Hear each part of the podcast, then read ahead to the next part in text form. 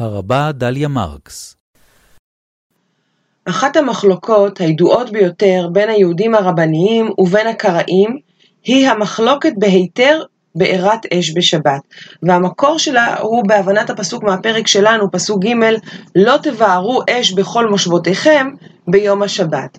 עיקר המחלוקת הוא בהבנה של האיסור לא תבערו. האם הכוונה היא להתחיל אש, להבעיר אש, כמו שהבינו הרבנים בשבת, או שאש לא תבער כלל, כפי שהבינו הקראים.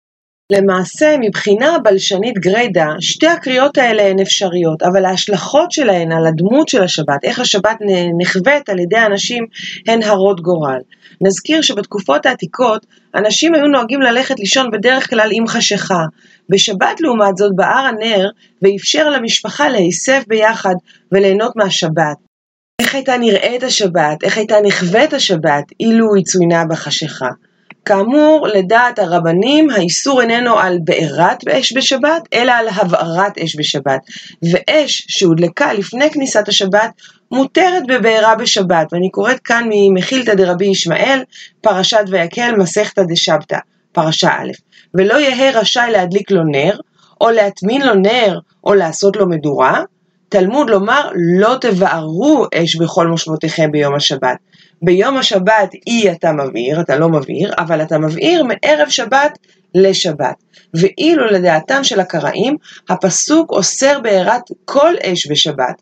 אדרבה, יש אפילו עמדה קראית שגורסת שאם נשאר נר שנשאר דולק בשוגג במהלך השבת, יש לכבות אותו, כך בספר אשכול הכופר.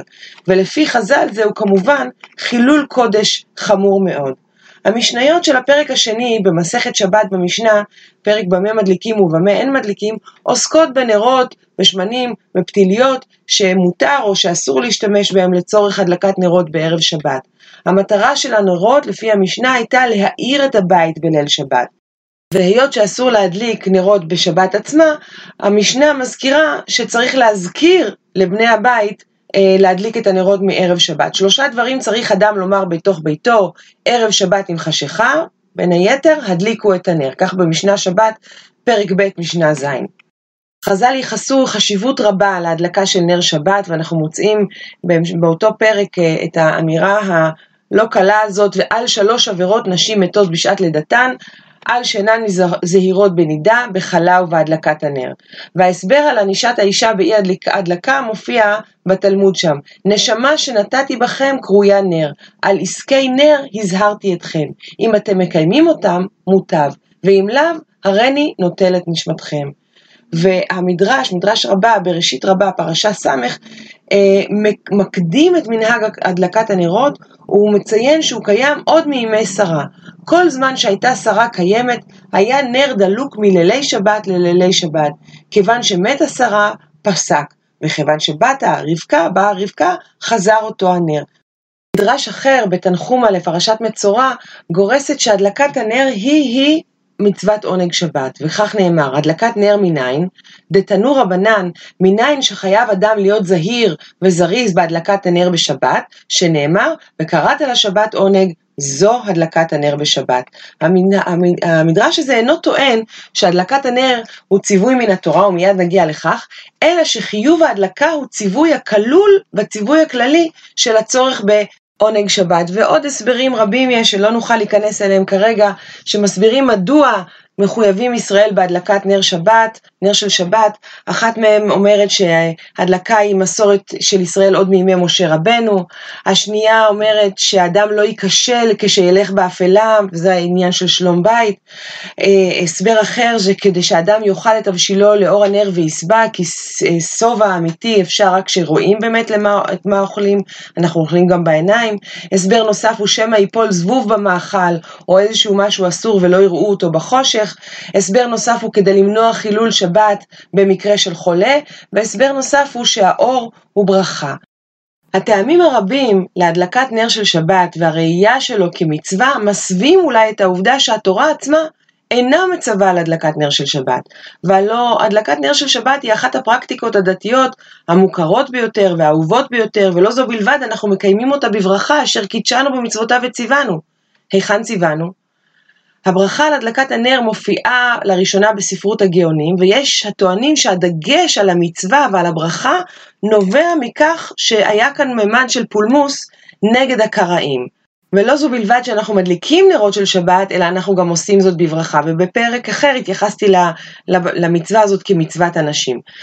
ויתר על כן, בימי הגאונים החל מנהג נוסף של לקרוא את הפרק, פרק במה מדליקים מן המשנה בבית הכנסת, וגם זה מעשה פולמוסי נגד הקראים. לא רק שאנחנו מדליקים את הנרות, ולא רק שאנחנו מברכים על הנרות, אנחנו גם מדברים על זה בבית הכנסת, על, מה, על באיזה חומרים מותר להדליק את הנרות ובאיזה אסור. פרופסור נפתלי וידר המנוח, חוקר התפילה, פרסם טקסט קדום מגניזת קהיר, שמלמד שהיו שאמרו את הפרק הזה, את פרק במה מדליקים בבית הכנסת, לא רק כשלעצמו, אלא היו אומרים אותו בליווי ברכה לפניו ולאחריו. כך שגם הפרק הזה, לא רק הדלקת הנר ולא רק הברכה, זכו למעמד טקסי וליטורגי מחייב.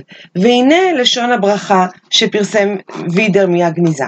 ברוך אתה, אדוני אלוהינו מלך העולם, אשר בחר בחכמים ובתלמידיהם, ונתן להם תורה מהר סיני על ידי משה רבנו, וציווה אותם לקרוא בתורה, במשנה, בתלמוד, בהלכה, לקנות חיי שני עולמים, ובחר במשה רבנו מכל הנביאים, ודיבר עמו פנים בפנים, שנאמר פה אל פה אדבר בו, ואחריו בחר ביהושע תלמידו ושבעים זקנים ונביאים, וחכמים ותלמידים, וציווה אותם בשמירות שבת, ובהדלקת נר של שבת, ואז נאמר במה מדליקים. שימו לב לתכנים של הברכה הזאת, היא מכילה כמה מהעניינים העקרוניים שבהם הרבנים חלקו על עמדתם של הקראים. היא מדגישה את חלקה של התורה, אבל גם את המשנה והתלמוד. היא מדגישה את חלקו של משה, אבל גם את חלקו של יהושע ואת חלקם של הזקנים. היא מזכירה את האמונה בעולם הבא, שני העולמים, והיא מזכירה את הדלקת הנר. הברכה הזאת עבדה ואיננה נמצאת בשימוש כידוע, אבל היא מעידה על ויכוח ער שהתקיים בין קבוצות יהודיות בימי הביניים על הבנת הפסוק שלנו לא תבערו אש בכל מושבותיכם ביום השבת.